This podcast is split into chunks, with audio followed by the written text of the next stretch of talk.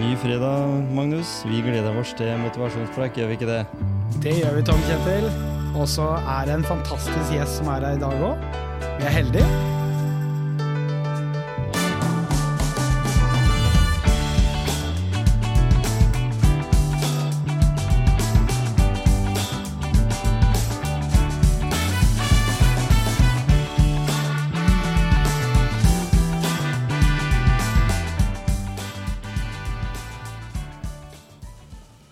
Ja, dagens eh, gjest her i dag, han har eh, spilt eh, Er det sånn si? Spilt på mange strenger.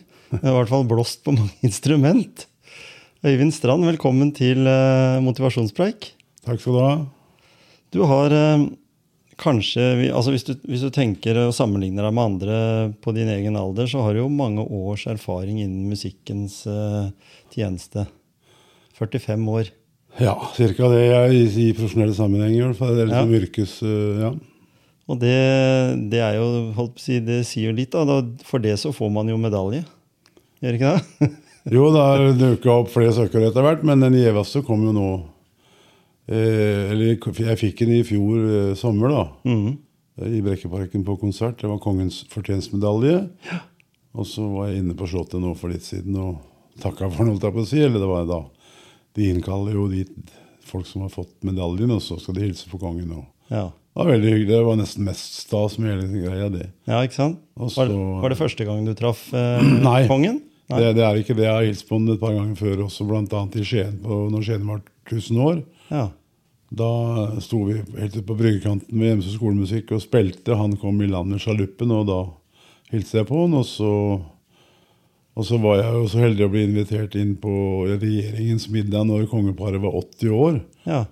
Som da veldig tilfeldig viste seg å være på femårsdagen etter det, den 10. mai.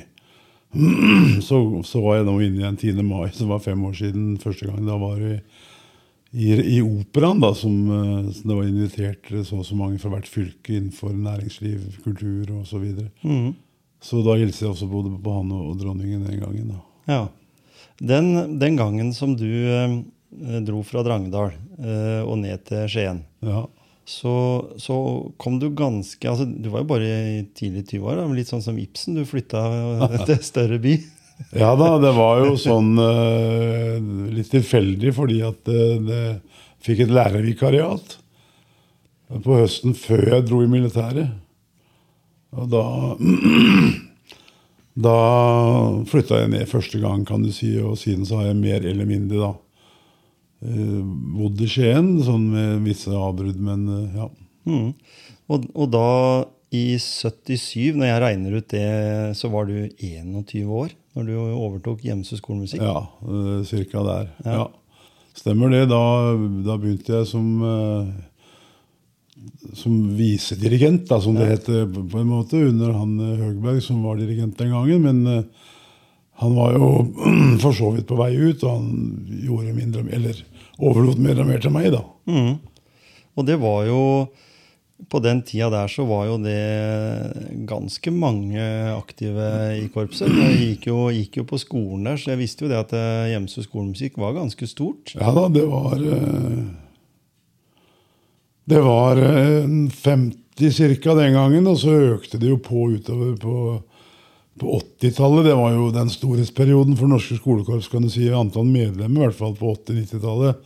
Så var vi oppe i en 70 stykker i korpset. ja. Ja, Og da hadde du jo ikke nok med hjemse skolemusikk, for da, i, i 1980, så blei du dirigent også for Sioni. Ja, det, jeg hadde jo spilt det der siden jeg kom hit. Og, og det ble snakk om at eh, han dirigenten som de hadde, han ville, eh, ville slutte. Han, det var en eldre mann som kjørte bil på, på Han likte ikke det å kjøre på vinterføre, blant annet. Han bodde borte i Vestfold. Veldig flink eh, mann. altså Han hadde spilt tuba i, i Oslo Filharmoniske Orkester. Mhm. Og Han var fra Skien, egentlig, da, men så han bestemte seg for å gi seg. Og så spurte de meg da om jeg kunne overta. Det var til nyttår 1980. Så vi lagde en kontrakt da på et halvt år fram, en prøvetid.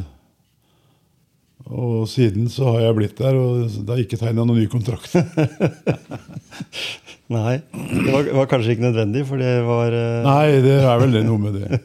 Men uh, for det har jo vært uh, kanskje det som du har vært mest kjent for, det i frontfigur der i Sony i, i mange år. Det er jo de som fronter mest også Et skolekorps. De er jo mer i lokalmiljøet blant foreldre, familie, og har mer, de, de har ikke den store bredden ut av det. Iallfall ikke sånn Suoni har, da. Nei, ikke sant? For Suoni er liksom et stort eh, korps med store aktiviteter, masse publikum, og markedsfører seg kraftig og er liksom noe som si, alle vet hvem er. Mm. Eh, mens, eh, og det er, jo, det er jo det som er den store forskjellen på et skolekorps og et voksenkorps. at et skolekorps, Der jobber du hele tida med nye folk, og, og først og fremst med å motivere de til å fortsette med musikk. Det er jo det som er liksom min drivkraft, har vært i alle år. Hvis, hvis de kan ha like mye glede av musikken som jeg har hatt, og, og kanskje bare halvparten, så vil jeg likevel ha stor glede av det. Eh, også, mens når jeg er kommet i et voksenkorps, så har du jo de som, som vil fortsette med musikk. Da, enten det er på et, det ene eller andre nivået, men de vil spille videre, syns det er gøy å utøve i et godt miljø. Så der har du liksom litt andre kriterier som, som går på dette med å dyrke det kunstneriske, da, for å bruke et uh, stort ord. Mm. Men, men når, når du begynner å tenke etter, det er sikkert vanskelig å si, så hvor mange, hvor mange, hvis vi kaller det elever, har du hatt? Ja, nå har jeg vært i Hjemsø skolemusikk i 45 år. Og hvis jeg regner med en, eh, ja, si i snitt, da, som begynner hvert år, 12-15 elever, da, så er det vel rundt 500 forskjellige nye musikanter. Sånn røft regna opp gjennom. Og så mange av de rekrutteres jo da til, sånn som du sier, Xoni, hvis, hvis de har litt ambisjoner eller, Ja eller andre steder. Blir, men blir du tenker jeg, litt sånn stolt når du ser eh, navn i avisa, eller du ser bilder, eh, og nå når man kan se sosiale medier eh, i forhold til de som går inn i Garden, eller som kommer For du, har jo hatt en del elever som gjør det skarpt. eh, Ja da, det, det er klart det er en ekstra motivasjon, og, og, for så vidt, men også å kunne videreformidle det til de som er i korpset til enhver tid. Jeg kan vise til, hvis det er navn som kommer fram, f.eks. trommeslageren Gard Nilsen, da, som er jo en, som er et verdensnavn blitt etter hvert. og Han starta jo opp i Gjemse skolemusikk og en del andre musikere som nå ikke er så kjente, men som sitter som profesjonelle musikere rundt i norske orkester og militærkorps. Og det er viktig å bruke de som eh, eksempler, da Ja. på at de, hvis de vil nå langt, så, så er det fullt mulig ved å starte i et korps. Her på motivas i Motivasjonspreik så er vi veldig glad i å høre at eh, det er en motivasjon som driver deg. Eh, hva var det som sånn i utgangspunktet var inspirasjonskilden din da, til at du valgte musikk sjøl? Det var nok eh, i hjemmet. Faren min dirigerte jo korpset i Drangedal, der jeg kom fra. Og hele familien broren min spilte, og familien var engasjert. Og vi var eh, egentlig på begge sider i min familie så var det musikere. Og folk som var opptatt av musikk og kultur generelt. Da, men ja, Så jeg har nok hatt eh, noe eh, i blodet, kanskje, i tillegg til at den har vært at musikk var en daglig del av, av livet, på en måte. Og, ja. Så jeg begynte i korpset der oppe og falt liksom helt naturlig. Og jeg var innom andre ting også, som, eh, som fotball og annet, men det, det, jeg ble ikke noe Fotballen gikk ikke glipp av noe som helst når jeg slutta med det. Det var opp til juniornivå omtrent, så det var for mye trening som jeg syntes var kjedelig der. i forhold til Så jeg måtte velge, det må jo alle, da. Så det ble musikken for meg, og det stor glede av å delta på det som var etter hvert der, både på fylkesnivå og andre steder. Ja. For det er jo ikke tvil om at du har vært innom og som du sier, vært, vært borti mange personer. Også i 95 så måtte du jo inn i korverdenen òg.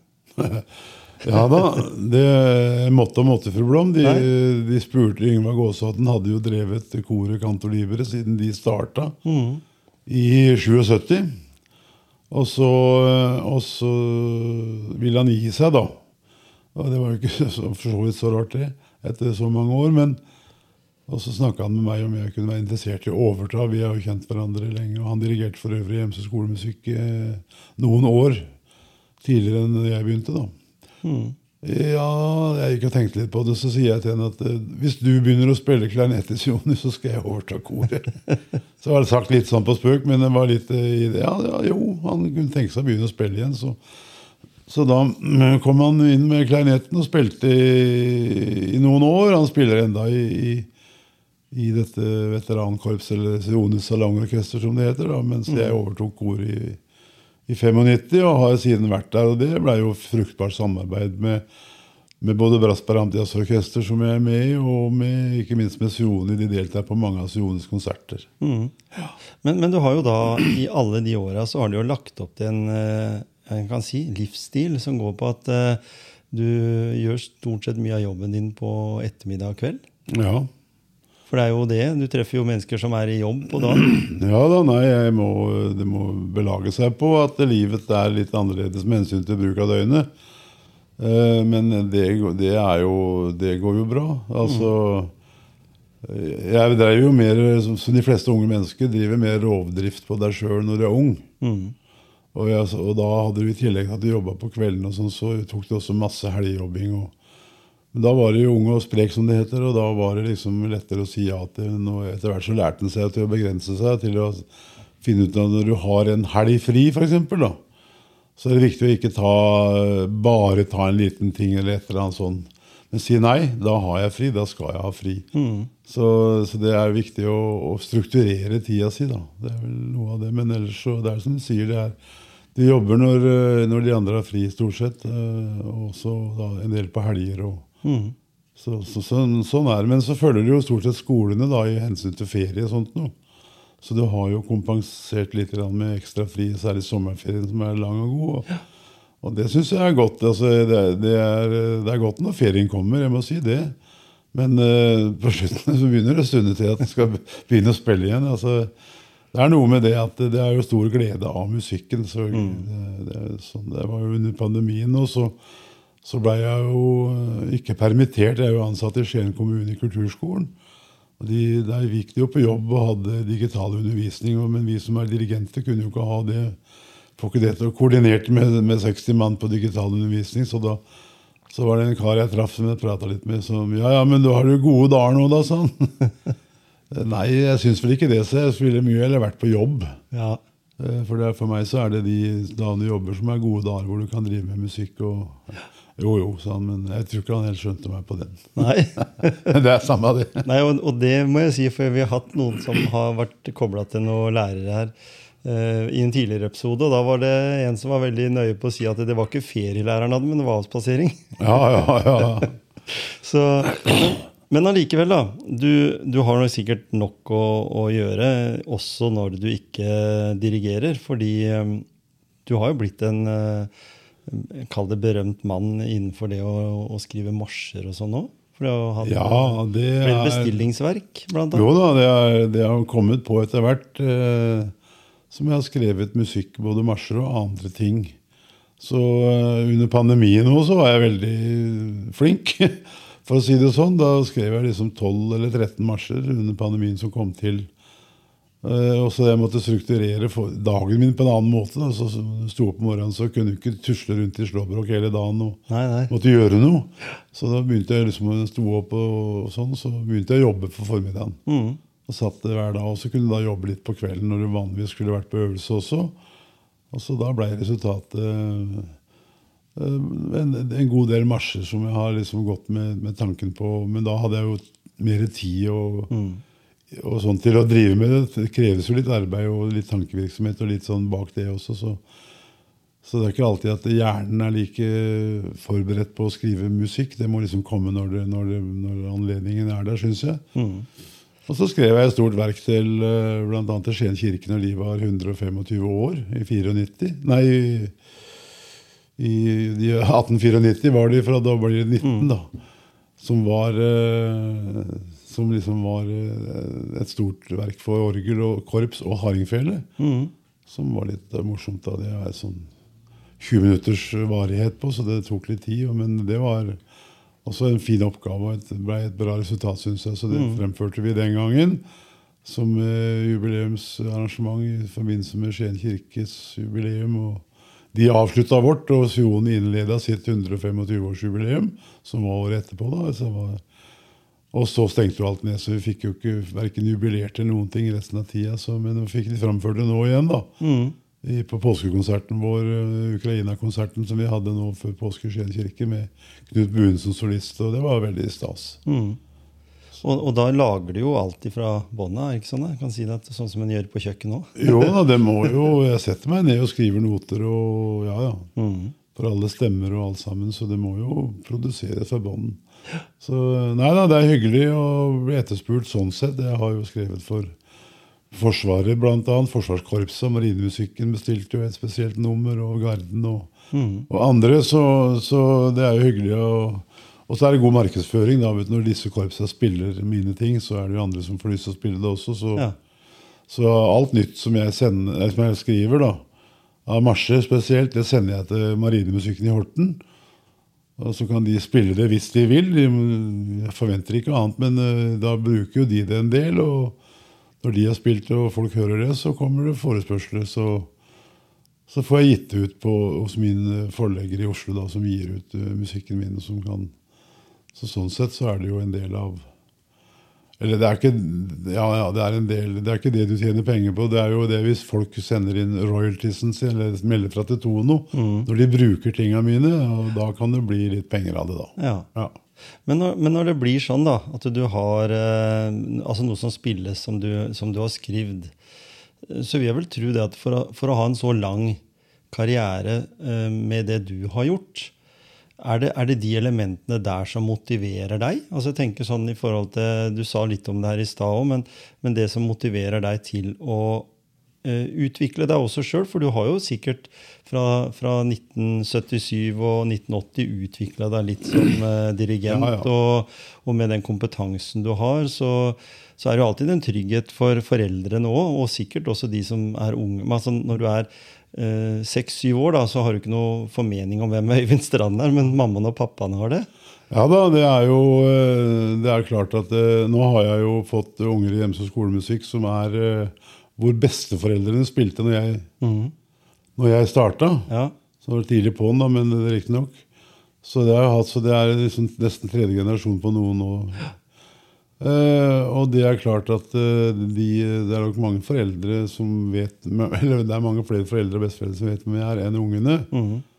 Men det er liksom, og det, jeg har vel sjøl sagt det en gang, så vidt jeg husker, at, uh, at når du er dirigent i et skolekorps, så er det mange oppgaver å ha utenom det musikalske. Du må liksom være både klatrestativ og helsesøster, liksom. Så det er mange, så det er viktig å, å ha med det Så det, er det å være dirigent i et skolekorps og i et voksenkorps, sånn sett, det er to vidt forskjellige ting. Selv om det dreier seg om musikk, så er det mer utviklende for meg som musiker tror jeg, å være dirigent i Sioni enn i Hjemse skolemusikk. Men samtidig så er det oppgaven på en annen måte. For det å drive et korps, et skolekorps, det er ikke bare det musikalske, det er en dannelsesprosess for unge mennesker. absolutt, Og så er det en fin arena for mestring og læring. Hvor det ikke er innbytterbenker, hvor det er alle kan være med og prestere på sitt nivå. Det tror jeg er ganske viktig. Og så er det det med orkester i seg sjøl som, som eh, mekanisme. Da, at, det, at der er det ikke solistene som er det viktigste. Det trengs av og til, det også, men det er, det er samspillet i dobbel forstand. Altså. Det å gjøre seg det at alle, alle til sammen er så gode som hver enkelt er, i sum. Og eh, orkesteret er avhengig av hver enkelt på en måte. Og vite at det, ansvaret har man. Og eh, at de andre er litt eh, avhengige av at du er til stede og gjør din, din del av jobben. Det tror jeg unge mennesker har veldig viktig Det er veldig viktig lærdom for dem å ta med seg. Jeg vet jo det av egen erfaring. Jeg har jo vært med på tur med korps, Ja. eh, til skolemusikk. Og jeg vet jo det at fra de eh, som da var med den gangen Nå er jo det voksne jenter og gutter, da.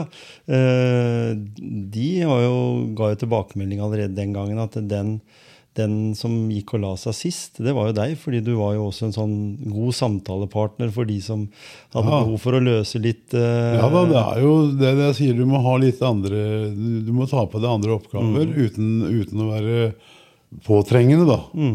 Men du må, det er jo det er klart at det er unge mennesker som kan ha ulike bakgrunner, ulike behov. og ulike, ikke minst familiesituasjoner. Vi opple- opp, det er- for å si det sånn, så er det mange flere oppsplitta familier i dag enn det var i 1977. Og de kan ha visse voksenbehov, eller voksenkontaktbehov. Som, så det må jo ta på seg det etter hvert. Og det å finne balansen der mellom å, kunne ta det når det kommer, og ikke, og ikke, ikke ta seg til rette, på en måte. Nei, ikke sant? Det er veldig skummelt, og sånn må passe på, men det er nok uh, Stille seg til rådighet da, når, du, når du merker at behovet er der. Mhm. Men du har jo valgt å ikke selv få barn. Ja. Har jobbet, du har jobba mye med barna Jeg har jobba mye med barn. Jeg har ikke barn, sier folk. Nei, jeg har bare eh, 50 stykker på Hjemsund. Det er helt tilfeldig. Ja. Ja, det livet, livet blei sånn. Så det reflekterer jeg ikke så mye over. Nei. Men, eh, men eh, jeg er veldig glad i barn, da. Mm. På alle måter. Og også de er grandonkel granneonkel og onkel til og sånne ting. Som, så, men eh, sånn var min skjebne, holdt jeg på å si. Uten Mm. at jeg skal være negativ. Men det må jeg bare leve med. Så ja. ja, for jeg har mange andre hatt mange andre gleder i livet som, som andre ikke har fått ta del i. da. Ja. Eh, Når, når, når en er inne på det der med, med barn og ungdom i, i dag, da, i 2022 som vi har kommet, Ja. eh, så tenker jeg det at eh, Har det blitt sånn altså, Nå sitter jo jeg her og er den tregenerasjonen. Jeg var på én trompetøvelse, husker jeg, når vi alle sammen på Gjemseskolen på 70-tallet skulle være innom korpset. akkurat. Eh, Kona mi, Kjersti, hun fikk ikke lov av foreldrene. Av faren, for han mente det var så mye dugnad der. Ja, Så, så vi gikk ikke akkurat veien innom korpset. Jeg blei tatt av fotballen. Eh, men jeg har jo hatt døtrene mine der. Og, og begynner jo etter hvert nå å få barnebarn som garantert kommer til med, med å bli med. Så kanskje rekker vi å få en sånn runde der med tredje generasjon. Ja. men, men har det endra seg noe? Har, har barna uh, på en måte de, de, En lever jo et annet liv i 2022 enn 1977. Det har endra seg, og ikke minst i pandemien så endra mye seg. For det var mange som, uh, som ikke kom tilbake etter lange pauser. Det, var, det er jo ikke bare i korps, det er generelt sett. Og så er ungdommen eh, Gaming har overtatt mye av tida, for å si det rett ut. Det var jo ikke noe sånn i 77. Det var ikke noen datamaskiner heller. Nei? Så det har jo, altså, ungdommen bruker tida si annerledes. Men gleden over å være sammen, den tror jeg er den samme. Fordi at de som går på korpset, det er det å gå på korpset som er en greie. Det er, det er ikke bare å spille, men jeg merker det at de, de leker sammen i gymsalen og har de der eh, ukentlige treffa sine. Det, det tror jeg er viktig, det sosiale omgjenget, selv om de er på, på telefon og data og hva det er for noe. Så, så det, som har forandra seg mest eh, sånn sett i forhold til dine foreldre, da, så er det vel det at eh, Nei, Kjerstins foreldre var det. Som eh, er, det er mye mindre dugnad i dag enn det var før. Det har blitt mer offentlige tilskudd via tippemidler, via forbundet, altså Norsk Musikkårs Forbund, og sånn, som du kan søke på eh, til, til instrumentkjøp og til forskjellige ting. Så du merker det. altså Det er kontingentkasse i kommunen for de som eventuelt har litt svak økonomi i perioder. Og det er mange støtteordninger. Da, så, så dugnaden i korpset vårt da, det er først og fremst to loppemarkeder i året. Eh, og det er jo gode dugnader. Det gir omtrent 100 000 i kassa hver gang. Eh, og resten er gjennom kontingent og tilskuddsordninger. Så det var nok mye mer eh, dugnader i gamle dager. Også i alle andre foreninger, men det er mye mer dugnad i fotball f.eks., hvor de må kjøre ungene på kamp en gang i uka. Stort sett. og Det slipper jo vi. Vi har ikke bortekonserter, holdt jeg på å si. Så det er jo sånn sett. Men uansett så tror jeg vel det er eh, Foreldrene virker som de er interesserte. Iallfall ikke noe problemer vi med å få tak i foreldrene når vi har dugnad. Nei. Og da stiller de opp. Og, men det er klart at eh, hvis det var en stor dugnad med lite inntekter, så kunne problemet vært større. Men når de gir gode inntekter, så syns de det er ålreit å ta to helger i året. Ja, ikke sant? Istedenfor å betale mer kontingent. da. Og, og jeg tenker sånn, Det som jeg husker spesielt, da, det var at det var jo mye sosialt. Du ble jo kjent med andre foreldre på Ja, tvers veldig. av For det var jo ikke alltid eh, nedslagsfeltet bare var Gjemseskolen eller Nei, det- var liksom fra flere områder. Nå har vi akkurat vært rundt med med sånne invitasjoner da, til unger på, nå, på Kjørbekøyda, Moflata, Åfoss og Melum. Ja.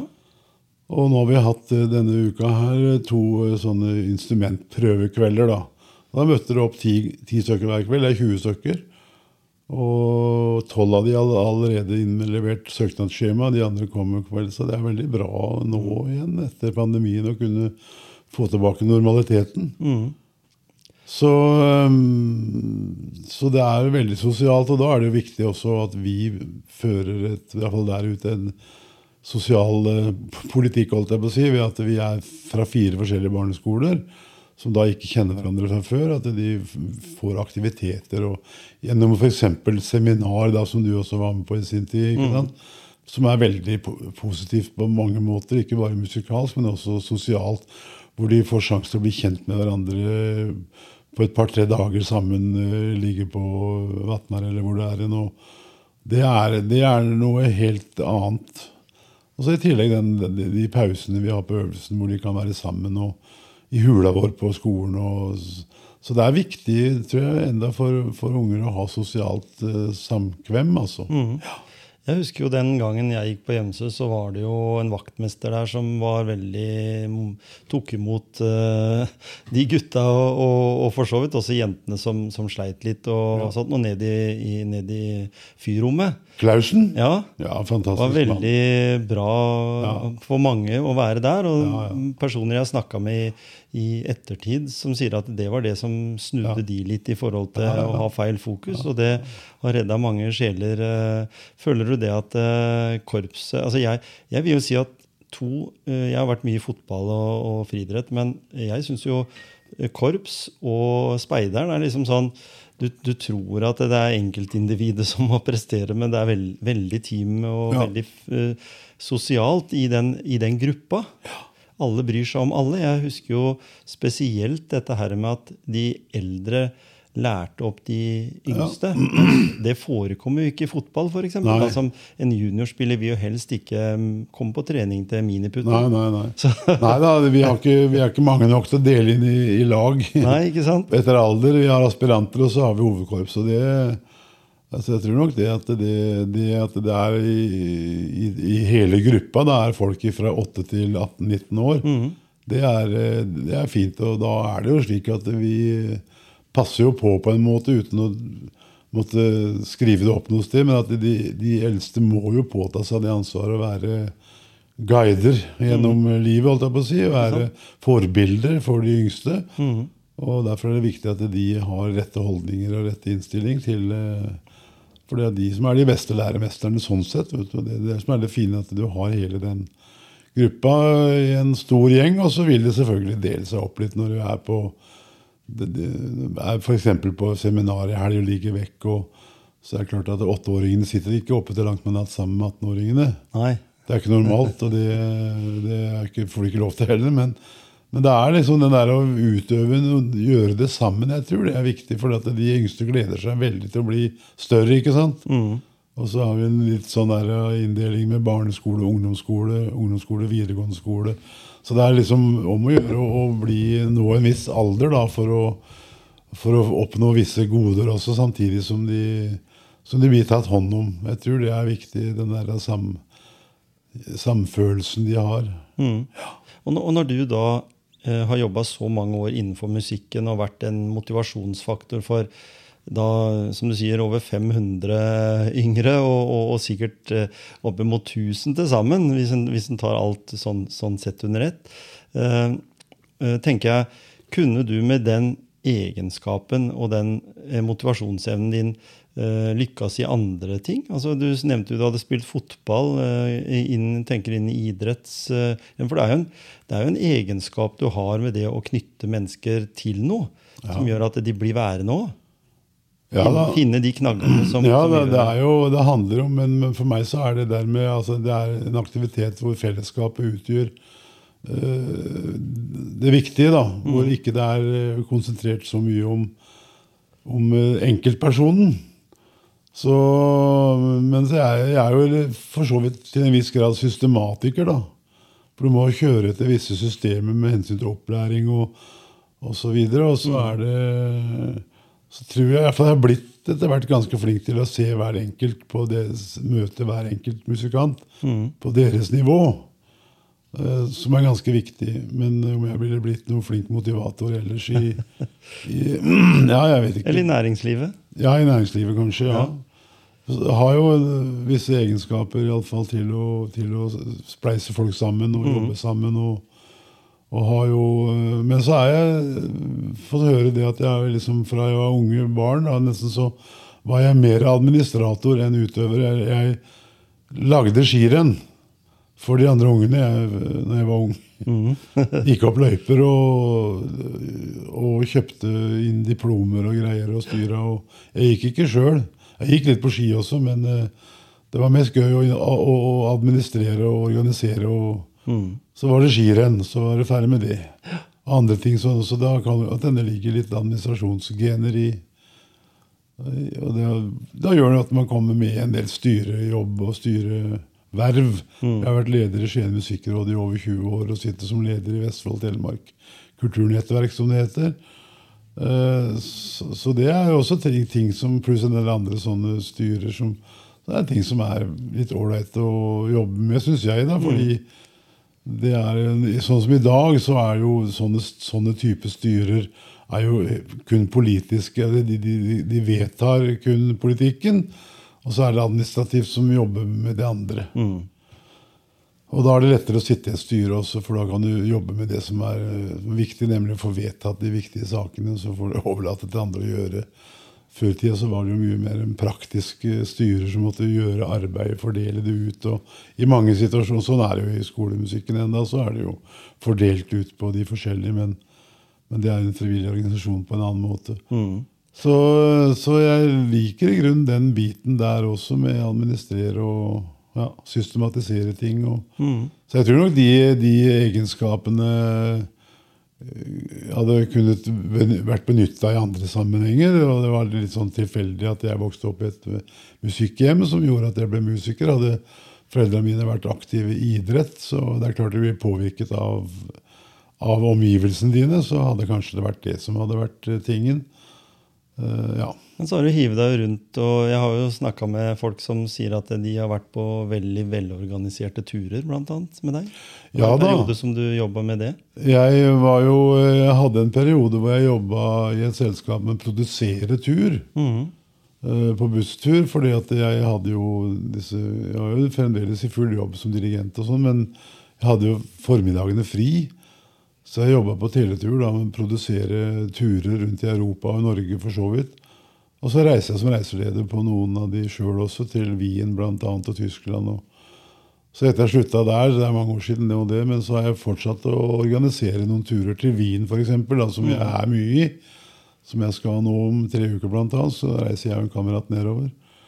Um, så så det, det har jeg jo hatt glede av. Og, da, og når du skal lage turer sånn privat nå, så kan du jo sørge for at det er de som blir med, er kun de som er interessert, interessert i å oppleve det jeg mener er viktig å oppleve. Ja. Ja. Og det er jo det er jo ikke tvil om at det kanskje er et sånn fristed for deg å dra til Wien? eller? Ja, det er jo et sted hvor du har masse kultur. Det sitter i veggene, som det, som det, heter, som de sier. En fantastisk by som ikke kan beskrives, egentlig må oppleves. Men med alt fra mat til musikk til kunst og bygningsmasse og hele Det er en stor by på sett og vis, men den er ikke for stor. Den er 1,8 millioner, vel.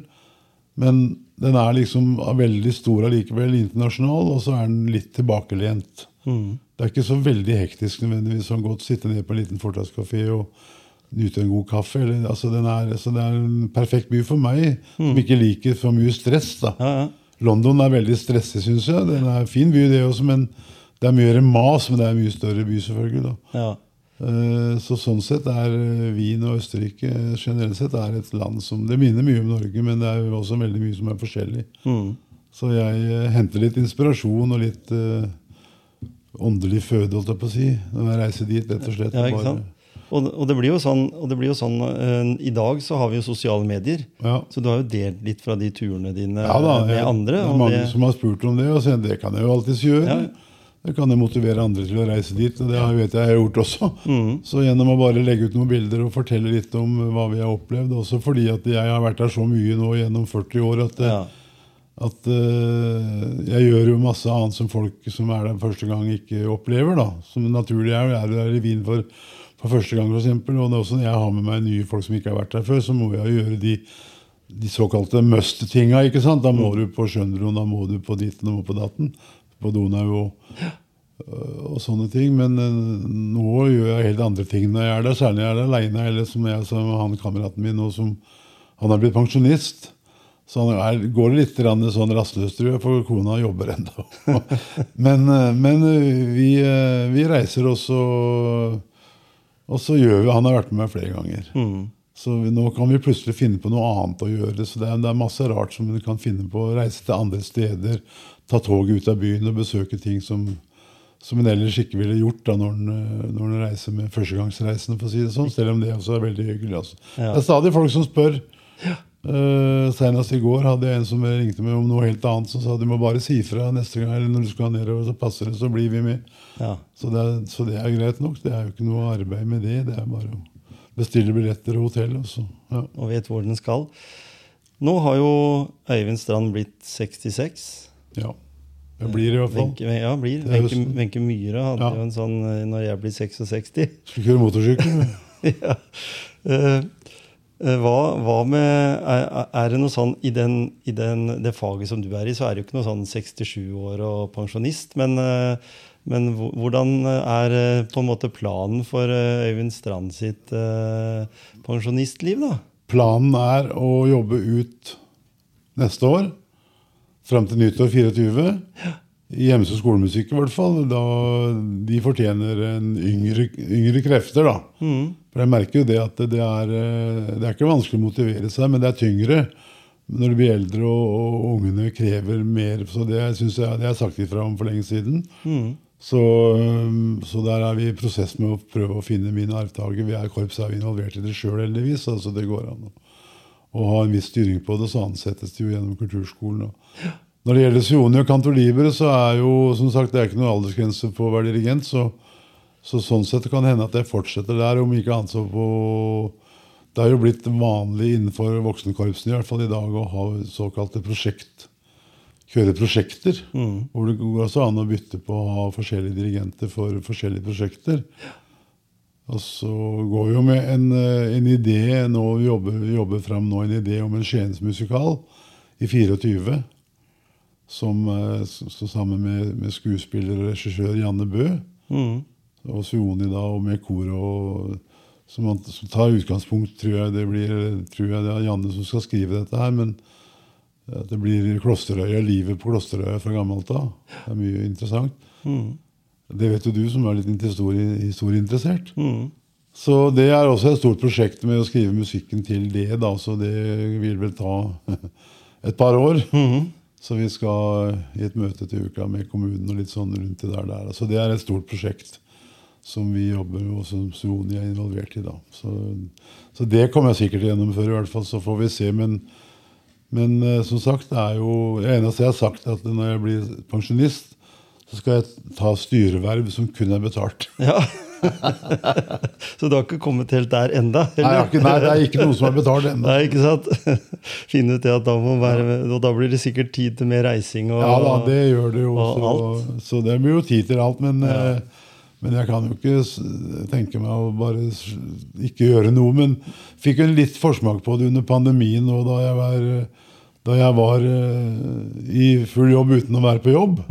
For du gikk hjemme, og, og det var jo og klart du opplevde jo det at kveldene hadde du fri hver kveld. og du hadde mer frihet til å bestemme over din egen hverdag. Så den goden, eller det gode, det ser man jo selvfølgelig fram til kanskje å kunne ha litt mer av og nyte litt mer av når du blir pensjonist.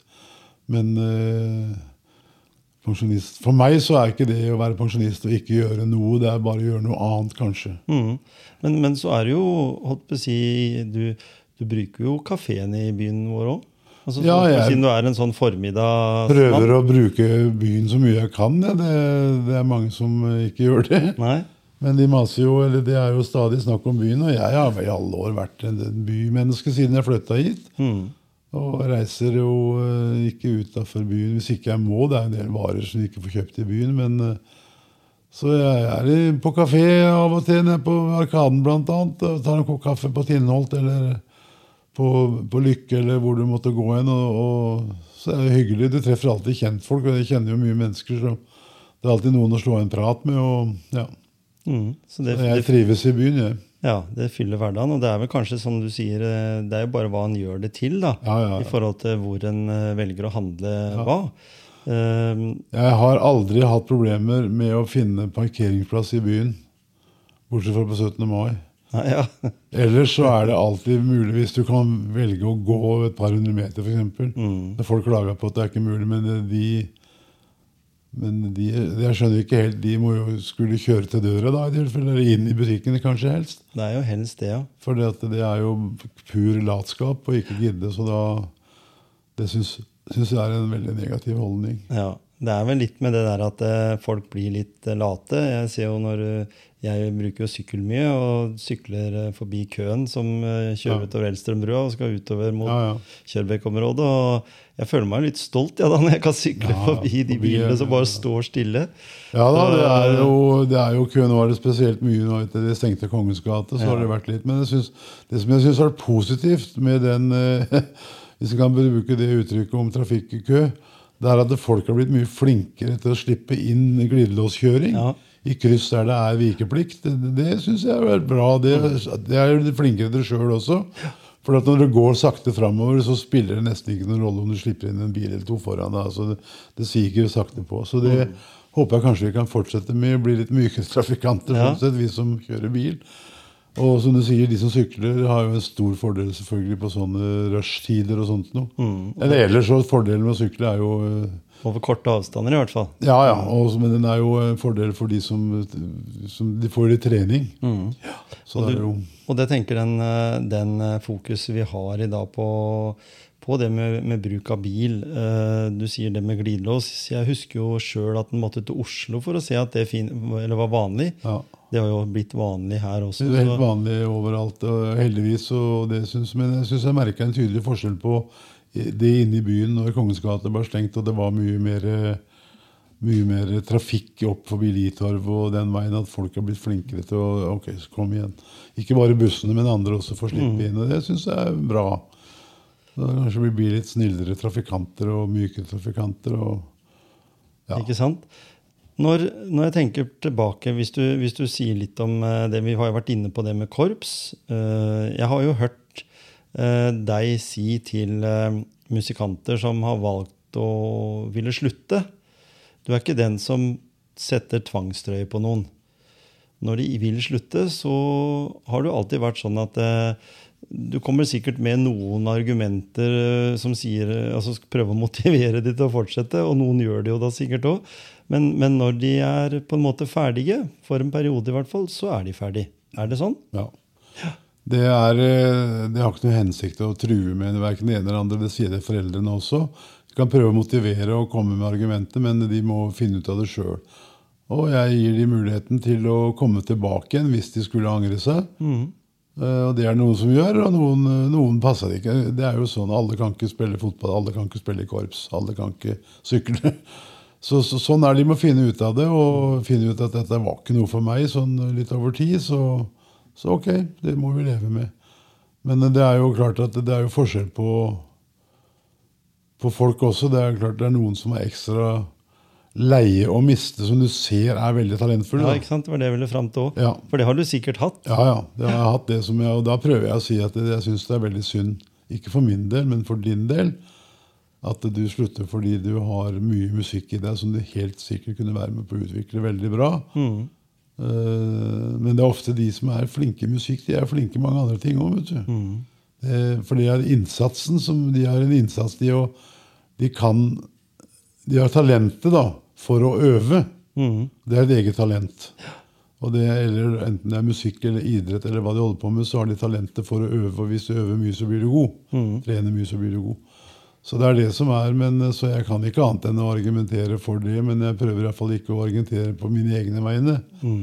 For det blir helt feil. Jeg kan, Ja, ikke ha ambisjoner på, jeg kan ikke ha egne ambisjoner på andres vegne. Det. Men eh, så noen eh, de eh, tenker seg om, noen tar en pause eh, og kommer tilbake igjen og fant ut at det var ålreit likevel. Mm. Ja. Jeg hadde en av hver, jeg hjemme. Ja, ja. En som øvde mye og ville syntes det var gøy, og jeg hadde som ikke øvde i det hele tatt. Ja, ja. Det, sånn er det. Vi er, sånn bygd, er det. vi er bygd forskjellig. Ja, vi er bygd forskjellig, og det, og det er bare en kjensgjerning. Du må ha med deg hele tida. Så hvis du skulle la det gå innpå seg på en måte, eller være demotiverende at noen slutter, det, da, vil, da ville ikke jeg orka å vært der heller. Nei. Så det må bare innse at vi er ulikt bygd, så får vi Mm. konsentrere oss hele tida om de som er der. Og sammen med publikum. Hvis det er lite publikum på konserten, så kan jo ikke vi gjøre noe med det. Da må vi spille for de som er der, Ja. og ikke sitte og ergre oss over alle de som ikke kom. Det er, nå- altså det er så lett for, for korps som driver og spiller, eller andre som skal ha publikum, at de på en måte nesten sier at publikum er så dumme som ikke kommer. Ja. Det nytter ikke, det, vet du. Nei. Og, og, og der er vi vel inne på en ting. Det har vel vært noe nå i media nå en liten sånn greie med hva, hva med Ibsenhus, og, og hva skjer med disse foajé-konsertene. Ja da, det, det, det dukka opp eh, De ringte fra Varden en dag. Jeg hadde nesten ikke, visste nesten ikke om det, for det hadde bare stått en liten notis på nettet dagen før.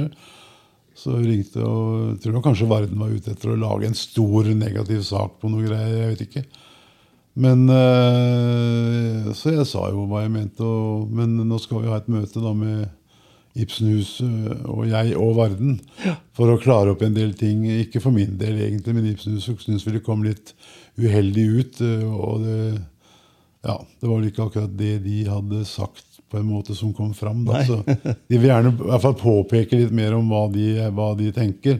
For de tenker vel ikke å kutte de ut permanent, skjønte jeg. Men at de vil ta en pause og så tenke seg om skal vi gjøre noe annet med det, eller skal vi omforme det litt. Det har jo gått nå i 25 år uten at det har vært Så det er vel litt mer sånn det går på. Så det løser seg nok. Men eh, det, ikke, men det er klart, engasjementet må en jo ha likevel. Det var et veldig engasjement blant mange kor og korps. Det er jo ikke alle som har råd til å leie seg inn i, i storsalen i Ibsenhuset, som Sione gjør på, på sine konserter. Da, og det koster jo tross alt med smått og stort enn 100 000 kroner for et par-tre dager. Ikke sant? Med lys og lyd og så det er klart det, For mange av de små, kan du si, da, så er jo de foajé-konsertene gull verdt. Og det er også for publikum. Eh, Så det er jo en fin måte, tror jeg, for Ibsenhus å, å få vist fram huset sitt på. Og så er det alltid noen som går på foajé-konserter midt på lørdagen gratis. Som kanskje også kjøper billetter til andre ting på huset. Så jeg tror det er en ganske rimelig måte å markedsføre seg på for Ibsenhuset. Men det skal ikke jeg blande meg for mye borti, men jeg vil bruke det argumentet. Mm. Og det er vel sånn, litt sånn i, på Elvespeilet òg, så har de hatt en lørdagsspeil, Ja, eller hva de kaller det. Der koster det penger for å komme inn. Ja. Så om Ibsenhuset vil gjøre det samme, det vet ikke jeg. Nei. Men det fins jo andre arenaer også som kan Lundetangen har jo hatt lørdagskonserter i mange år, som har vært gratis. Ja. Men det er klart, de har jo stort salg av drikkevarer sikkert, som kompenserer for det. Parkbiografen er jo et annet, en annen arena som, som ikke har hatt det så mye. Men det har jo vært korpskonsert der nede. Så det finnes jo andre som kanskje da benytter anledningen til hvis ikke dere vil, så tar vi konseptet. ja. Uh, så de, og det er ikke plass til to sånne, så Man merker jo det på, på Vi har jo hatt vi har jo, Sioni har jo hatt eh, i alle år, eller i mange år. Og det er jo store konserter som nå har blitt flytta inn i inn i eh, storsalen, da. Ja, ikke sant? Fordi og, de har jo hatt, de- og de har jo hatt eh, Det det har vært stas å være med på de for, Ja, ja. for de uh, utøverne. Det har jo vært eh, stas å være med på utøverne og stas å være med på publikum. Ja, så det er jo enormt mye folk der. Mm. Så de har flytta inn i storsalen av praktiske årsaker. Men, men, uh, men alle de andre små Det starta jo opp for 25 år siden med én pianist Mm. som satt og spilte. Det var vel en 25 mennesker som kom og hørte på. Og så balla det på seg utover. Det var først og fremst Helge Siljan som, som daglig leder i Ibsenhuset den gangen, som uh, utvikla dette konseptet. da. Mm. Så har det vært videreført uh, gjennom hans arvtaker, uten at det skjedde så mye der da. Og så har det vært enda en, Erik Rastad, som slutta nå. Nå kommer uh, en ny, ny en som overtar nå igjen. Da, så. Ja, så vi får håpe det at det er Det er jo på en måte Det er jo et folkets hus. Mm. Dette Ibsenhuset det er jo innbyggerne i byen som eier hus på en måte. Til og med, til og med gitt penger fra det som het Folkets husforening den gangen. Eh, for å få bygd det. Så, så jeg tror det er viktig at de styret må sette seg ned kanskje og kommer, ja, være litt prinsippfast og si at det, vi ønsker at det skal ja. At det er litt sånn, ja. Vi kunne prata mye om det. ja. Politikk og alt rundt dette her, det er engasjerende. Eh, Men eh, alle intervjuer har sin tid. Nå har vi fått snakka mye om, om din, eh, din hverdag, og jeg syns jo det har kommet fram mange fine elementer om, som har med motivasjon å gjøre. Måten, det som har drevet deg, men også, også det. Men hva, sånn helt på, på tampen, hva vil du si er kanskje folks Altså i dag som vi snakker om, du, dere har akkurat hatt en konsert som har gitt, vært inntekt til Ukraina. Eh, vi vet at det er en krig der ute. Vi vet at det er en del ting som, som folk styrer med nå, med strømmen vår og med, med alt mulig. Det har vært en pandemi. Eh, motivasjonen ved å tenke positivt, hva, hva tenker Øyvind Strand om det? For å på en måte ikke tenke for mye og grave seg for mye ned i negative ting. Ja, altså det Jeg er jo en relativt positiv type, da. Som jeg godtar jo både høye strømregninger, høye drivstoffregninger uten at jeg For jeg får ikke gjort noe med det. Nei. Eh, Så det, er- det syns jeg er unødvendig. Og det var sånn at Faren min han ble gammel mann, han var 97 år når han døde. Og han sa det på slutten de siste åra, så han gadd ikke å huske på alt. Nei. Han huska det som var nødvendig. Og det er noe med samme med hensyn til hva du kan gjøre noe med, og ikke ta tak i det du kan gjøre noe med. Eh, Ibsenhuset kan man kanskje gjøre noe mer lokalt av den, den problematikken. Mens strømregninger og, og den slags, det ja, ja, gjør noe med det hvis en er politiker kanskje på høyt nivå, men det kan ikke jeg aleine gjøre så mye med, annet enn å klage. Men å, men å klage skaper jo ikke noen ting som regel. Du må være, være litt mer operativ enn det. For de som klager, de, har jo aldri, de fleste av de har jo aldri vært med på å skapt noe særlig positivt i samfunnet, tror jeg. Nei, ikke sant? Så, så jeg mm, motiveres vel vet ikke om jeg motiveres ekstra til, men det er jo konsentrere seg om det som jeg kan få gjort noe med. Det tror jeg er viktig. Og så må en jo bare tilpasse forbruket sitt etter eh, etter eh, lommeboka, da. Det er vel litt sånn, altså. Det er krigen i Ukraina. Det får jeg heller ikke gjort noe med, føler jeg. Men jeg kan jo, vi kan jo gjøre vårt her. Vi skaffa jo 51 000 kroner til Røde Kors til, etter den konserten som de fikk til å bruke på flyktninger lokalt her. da. Og det var jo ganske bra. Det er jo litt motiverende i seg sjøl å kunne være med på Nå skal jeg opp der nå etterpå. Vi har gjort denne, et intervju. Skal jeg opp på Frogner og henge opp noen plakat om konserten vi har i Brekkeparken nå snart. Og litt sånn så De var jo med oss i toget, og så gikk eh, bak Sony en gjeng ifra, ifra Frogner, da. Som gikk med, med plakat om hvem de var, og litt sånn. De var kjempestolte. Eh, så det var jo litt hyggelig. Og så Så det, det kan jo være litt motiverende i seg sjøl, og kanskje hjelpe ukrainske flyktninger med, med det de sliter med her. Hvis, det vi kan gjøre, da. Det skal ikke være påtrengende der heller, tror jeg. Men det er jo mange ting vi kan gjøre med å invitere de inn og være med. Ja, for de har ikke så ulik kultur med oss. Nei, sånn. de har, de har ikke det. De har et ulikt tenkesett på noen områder fordi de er østeuropeere og Mm. første generasjon nå etter Sovjets fall, på en måte. Eh, så, men de, de har mye, det er mye likhet. Den europeiske tradisjonen Mm. så innenfor eh, humanisme og, og, og for så vidt kristen religion. Og, og så de, de, er veldig, de er like oss i forhold til andre verdensdeler, i hvert fall. Så, øh, men det er helt umulig for oss å sette oss inn i hvilken psykisk situasjon de er i etter et, bombeangrep på et eller annet verdenssted. Det må du ikke prøve på engang. Må bare vise forståelse og, og prøve å kunne bidra med det som en kan greie å få til. Så, men det øvrige, det, det, får, det skal ikke seile sin egen sjø. Man kan jo protestere, og det går an å velge velge politikere som man tror kanskje kan gjøre det bedre enn enn de forrige. Mhm.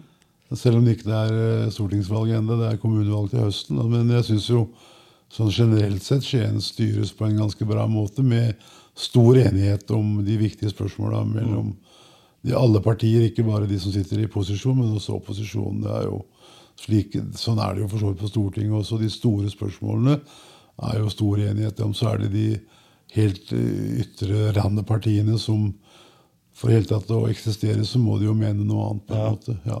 Så det, men, eh, men litt ulikheter vil det alltid være. Og nå skal jo Heda gi seg som ordfører, og det kommer nye kandidater der i det partiet og fra andre partier. Så det er jo litt artig å følge med på. Jeg har blitt spurt mange ganger om hvorfor blir du ikke politiker? Og da pleier jeg bare å si at det har jeg ikke tålmodighet til. Fordi at det kreves så mye tid og utredninger og høringer og lov, følge lov. Altså, når jeg jobber i det frivillige, da, som jeg har gjort på mange måter, så er det en god idé som blir vedtatt i styret, gjennomført, pang, ferdig på kort tid. Mm. Mens i politikken så er det det motsatte. Så når den gode ideen endelig kan gjennomføres, så er den kanskje ikke så god lenger.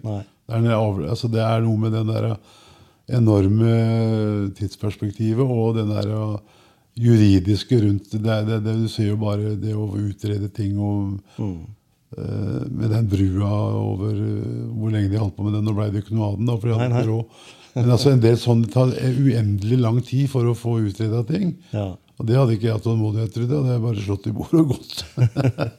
Selv om det ikke er ofte jeg blir eh, opprømt så, eller opprørt, så, så tror jeg nok det at det, det passer ikke så godt. Jeg kan være kulturpolitiker og mene noe om det, men ikke, ikke partipolitiker. Da, for da må du jo på en måte også gå med på en masse ting du kanskje er veldig imot. Ja, det hadde, jeg, det hadde jeg ikke greid, selvfølgelig. Da måtte jeg bare blitt ekskludert fra partiet. Da hadde du ikke kommet så langt, Nei, dessverre. Nei, men jeg har ikke noen ambisjoner om det, så det Nei. kunne vært akkurat det samme. Ja, ikke sant? Tusen takk for at du tok turen innom motivasjonspreik, Eivind. Øyvind. Det var bare hyggelig.